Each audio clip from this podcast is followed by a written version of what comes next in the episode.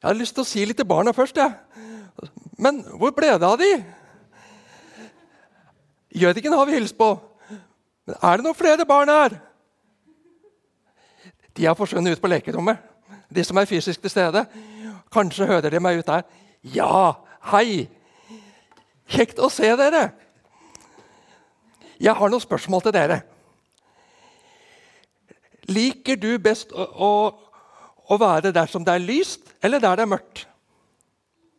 Lyst. Liker du best å være i et rom hvor lyset er på, eller lyset er av? På. Liker du best å være ute når det er lyst, eller mørkt? Det er litt spennende å være ute når det er mørkt. Ja. Det kan være spennende å være ute og, og leke i mørket. Spennende det å ikke se alt. Og noen ganger det å ikke bli sett. Og noen ganger så har vi lyst til å gjøre noe som vi vet vi ikke har lov til, og som vi kanskje også vet at ikke er så lurt. Da gjemmer vi oss kanskje litt bort. Vi vil ikke at andre skal se det. Kanskje gjemmer det noen ganger noe under dyna, så mamma og pappa ikke skal se det når de kommer for inn i nattakås. Jesus han vil at vi han, han vil være lys for oss. Det betyr at Jesus vil vise oss hva som er lurt, og hva som er bra for oss. Og Han vil at vi skal lytte til ham og lære av ham. For han har jo skapt oss og gitt oss livet og vet hva som er best for oss. Vi kan lytte til Jesus gjennom Bibelen og når vi ber. Og vi kan lytte til Jesus gjennom kristne sanger og på gudstjeneste og på søndagsskolen Awana. Jesus vil lyse for oss. Jesus vil hjelpe oss. Jesus vil også hjelpe oss med det som vi kjenner på at vi må skjule hjemme i mørket. La oss våge å komme til Jesus med det. Han vil ta seg av det. Han vil hjelpe oss. Han vil hjelpe deg. La oss gi Jesus, Jesus masse plass i livene våre, i dagene våre, nå i det nye året. Og Nå skal vi lese sammen det som er preiketekst i dag. Noen flere ord fra Bibelen, nå fra Johannes 12.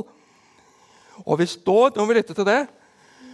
Og om dere barna om dere har lyst til å tegne noe fra det, eller finne noe gøy å holde på med på lekerommet, så gjør gjerne det. Guds ord til oss nå i preiketeksten det begynner slik. Likevel var det mange som trodde på ham, også av rådsherrene. Men pga. fariseerne bekjente de det ikke, så det ikke skulle bli utstøtt av synagogen. De ville heller ha ære fra mennesker enn ære fra Gud. Men Jesus ropte ut, 'Den som tror på meg, tror ikke på meg, men på ham som har sendt meg.' 'Og den som ser meg, ser ham som har sendt meg.' Som lys er jeg kommet til verden, for at ingen som tror på meg, skal bli i mørket. Den som hører mine ord og ikke holder fast på dem, dømmer ikke jeg. For jeg er ikke kommet for å dømme verden, men for å frelse verden. Den som avviser meg og ikke tar imot mine ord, har likevel en dommer. Det ordet jeg har talt, skal dømme ham på den siste dag. For jeg har ikke talt ut fra meg selv, men Far, som har sendt meg, har gitt meg befaling om hva jeg skal si og tale. Og jeg vet at hans befaling er evig liv. Det jeg sier, det sier jeg slik Far har sagt meg det. Slik lyder Herrens ord. Vær så god, sitt. Hvordan reagerte du da du hørte og leste denne teksten. Det gjør meg både glad og trist å lese disse ordene av Jesus. Jesus har kommet med lys til verden. Så flott! Jesus er verdens lys. Sola har snudd, og vi går mot lysere tider, også i Norge. Vi har fått et helt nytt år. Mange har optimistiske nyttårsforsetter. 2022 er på sett og vis en ny start. Nye muligheter, og det er gitt oss av Gud. La oss takke og glede oss over det. Et nytt år, et nådeår. Samtidig som ingen kjenner morgendagen, så har vi fått avslutte et 2021 og gå inn i et nytt 2022. Og vi skal få sette oss mål. Vi skal få ha forventninger og glede oss over, over det og se fram, og se fram til det. Og I dag så starter åpenbaringstida i kirkeåret. Vi går inn i en tid hvor vi har fokus på at Jesus skal få bli åpenbart for oss. At vi skal få se mer av og bli bedre kjent med Jesus. Er du utlært når det gjelder den kristne tro? Kjenner du Jesus til bunns? Jeg gjør ikke det. Jeg vil bli bedre og bedre kjent med Jesus. Jeg kjenner ikke Siv, kona mi, til bunns heller. Til tross for at vi har vært gift over 26 år. Så blir, stadig, så blir vi bedre, stadig bedre kjent ved å leve sammen, snakke sammen, oppleve sammen, gå gjennom større og mindre kriser sammen. Sånn er livet. Og sånn er livet som kristen. Livet med Jesus også. Vi skal få lære Jesus stadig bedre å kjenne. Så trenger vi tid sammen for å bli bedre kjent. Både med ektefelle, med barn, med naboer, med venner og Jesus. Hvor mye tid vil du gi Jesus i 2022? Fikk du med deg leseteksten i Isaiah 51? Lytt til meg, mitt folk, mitt folkeslag, vend øret til meg. Vil du ta deg tid til å lytte til Jesus i 2022? Kanskje på en annen måte enn i 2021. Lytte til hva Jesus vil vise deg av seg selv. Og lytte til hva Jesus vil vise deg av hvordan han ser på deg. Vil du lytte til hva Jesus vil vise deg om hva han ønsker at du skal gjøre og prioritere i dette nye året? Kanskje har han en ny tjeneste for deg. Kanskje har han en ny hvile for deg. Vi hørte innledningsvis i dagens bibelavsnitt. Likevel var det mange som trodde på ham, også av rådsherrene. Det er jo fantastisk at det var mange som trodde på Jesus. De fikk tillit til ham. Det var troverdig, det Jesus kom med. De ville lytte til ham, de trodde på ham, men Men pga. fariseerne bekjente de det ikke, så de ikke skulle bli utstøtt av synagogen. De ville heller ha ære av mennesker enn ære fra Gud. De trodde, men de var tause med sin tro. Troen fikk ikke utfolde seg i en bekjennelse. De var redde for å bli utstøtt fra det der de var vant til å gå. Og frykten var nok reell. Religiøse ledere brukte makt. Ja, de misbrukte makt for å holde folk der de ønsket å ha dem.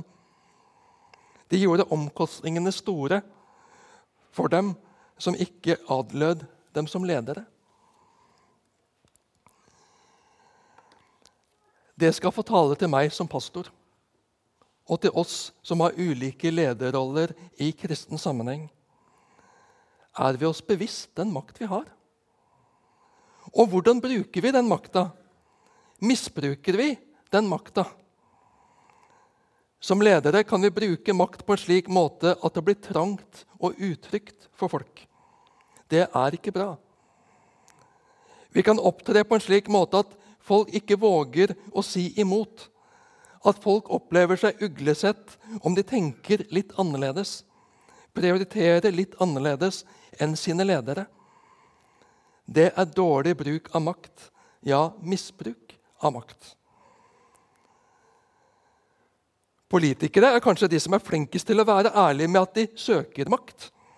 De søker innflytelse fordi de brenner for noe og vil få igjennom sin politikk. En ledelse av samfunnet som de har tro på, og som de har tro på at er bra for folket. I kristen sammenheng, i menighet, så har vi også folk som har blitt valgt til å lede. Enten gjennom styreverv, ansettelse eller satt til andre lederoppgaver. De er gitt en makt, gitt et ansvar for å lede. Å lede er ikke å gi alle det de vil ha, alltid. Men å ta beslutninger på vegne av menigheten og lede folk i en retning. Og noen ganger er noen uenig med lederne. De er ikke enig i hvordan de valgte lederne prioriterer og leder. Da er det viktig at vi har en kultur for at det er trygt å si sin mening. At det er lov å være uenig og sette ord på det på en konstruktiv måte.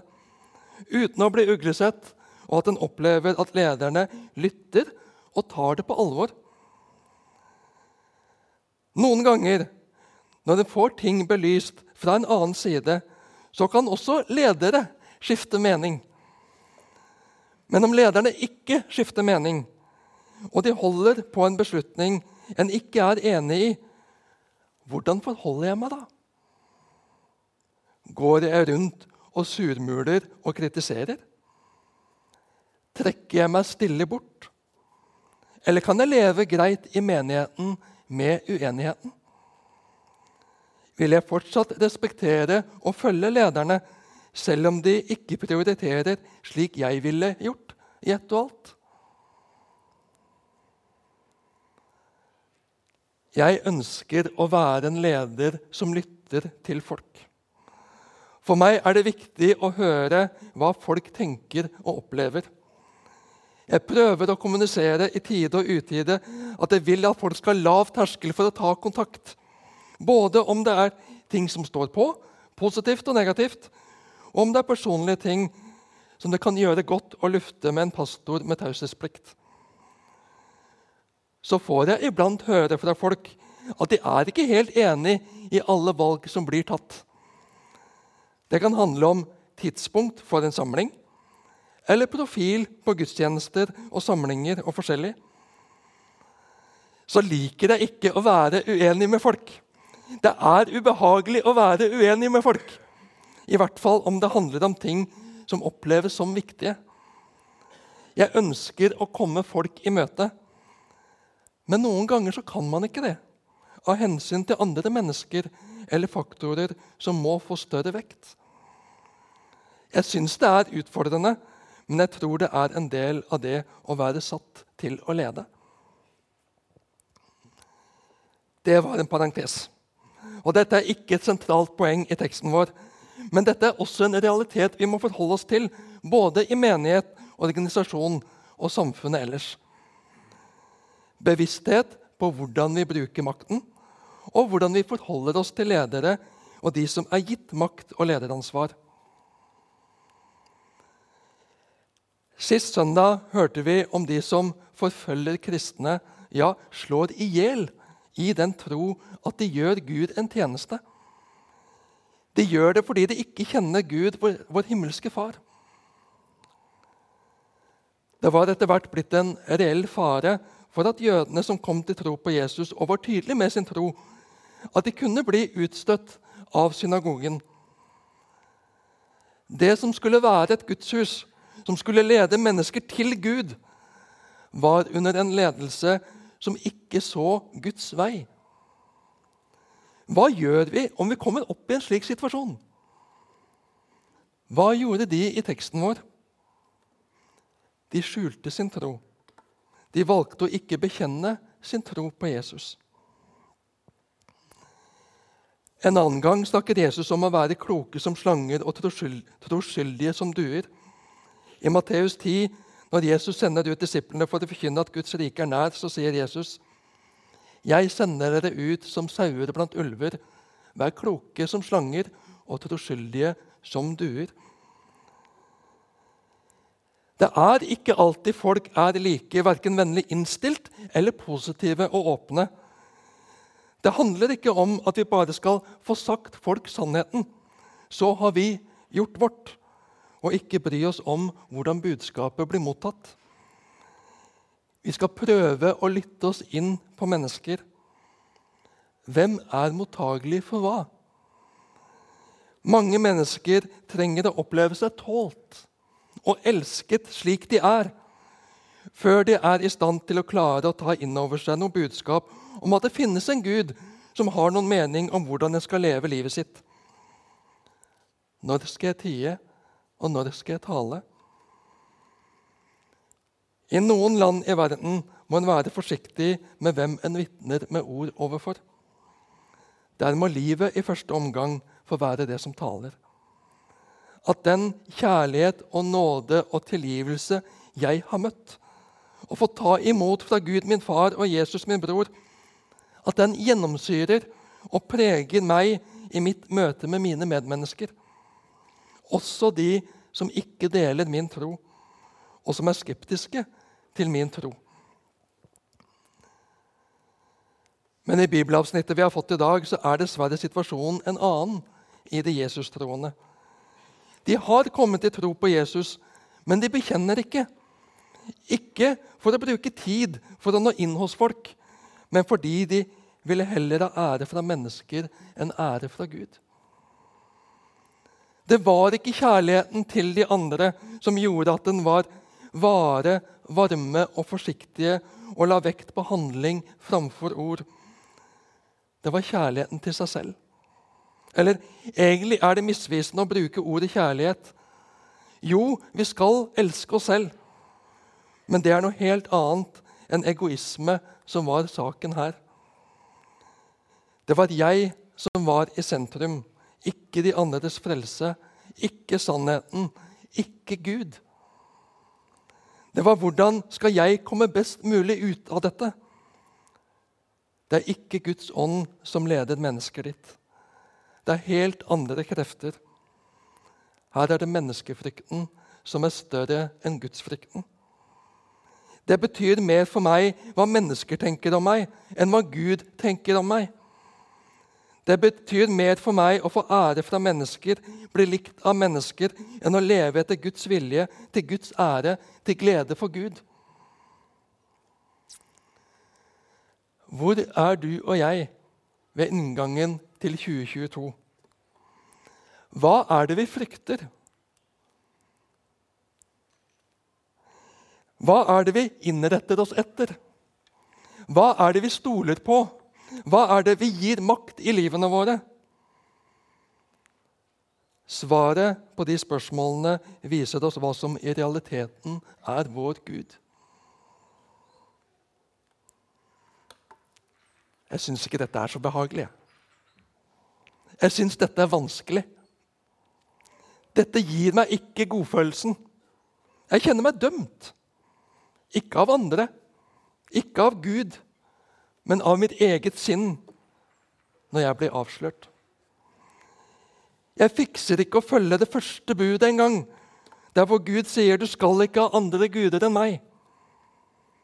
Jeg klarer ikke det engang. Jeg er altfor styrt av hva andre tenker om meg. Jeg er altfor redd for hva de andre vil si. Jeg tier når jeg burde tale, og taler når jeg burde tie. Altfor mye i mitt liv handler om meg, meg, meg. Egoismen er min religion. Jeg er avslørt, og det er skikkelig ubehagelig. Men heldigvis så stopper det ikke der. Men Jesus ropte ut, 'Den som tror på meg, tror ikke på meg, men på Ham som har sendt meg.' 'Og den som ser meg, ser ham som har sendt meg. Som lys er jeg kommet til verden, for at ingen som tror på meg, skal bli i mørket. Den som hører mine ord og ikke holder fast på dem, dømmer ikke jeg, for jeg er ikke kommet for å dømme verden, men for å frelse verden. Den som avviser meg og ikke tar imot mine ord, har likevel en dommer. Det ordet jeg har talt, skal dømme ham på den siste dag. For jeg har ikke talt ut fra meg selv, men Far som har sendt meg, har gitt meg befaling om hva jeg skal si og tale. Og jeg vet at hans befaling er evig liv. Det jeg sier, det sier jeg slik Far har sagt meg det. Gud, Far, Jesus, du kjenner meg. Du kjenner alt i mitt liv. Du kjenner det som jeg på en god dag er stolt av og gleder meg over. Og du kjenner alt som nå kommer over meg, som ikke er som det skal.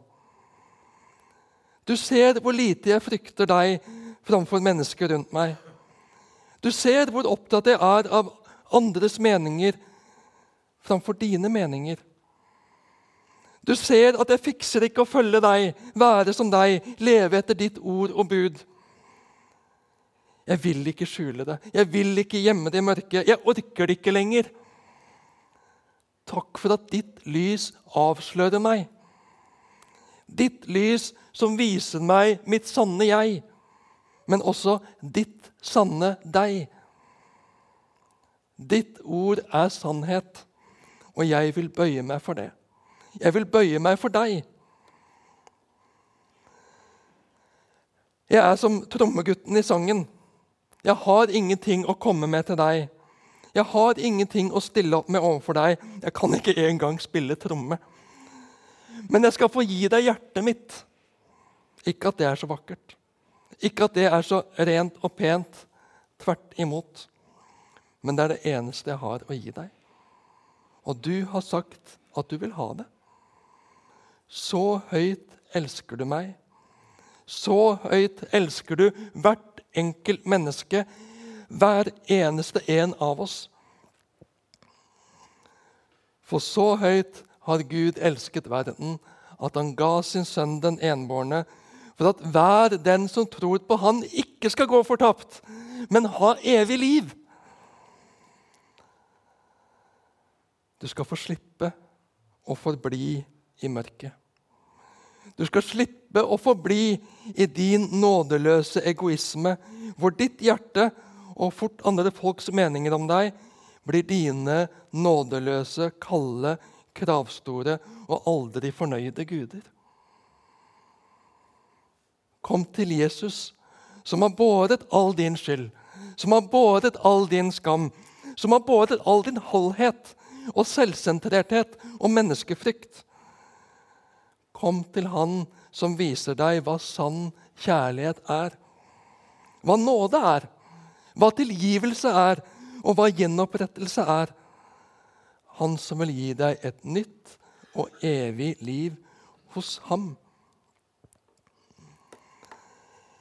Vi har fått bære Jørgen til Jesus i dag. Han ble født på ny. Han fikk Den hellige ånd. Ikke at han forstår så mye av det hele ennå, kanskje. Men Jesus er ikke avhengig av vår forstand. Altfor ofte fører vår forstand oss ut i irrganger og avveier. Men vi skal få legge oss i Guds hender med alt vi er og har, alt vi bærer på og til dels har båret tungt på. Han vil ta seg av det. Han har tatt seg av det. Han har tatt seg av deg, bare du vil ta imot det. Jørgen er lagt i Guds fang, og du skal få legge deg i Guds fang. Jeg trenger deg, far. Jeg trenger deg, Jesus. Tilgi meg. Takk for at du tar imot meg nå. Amen.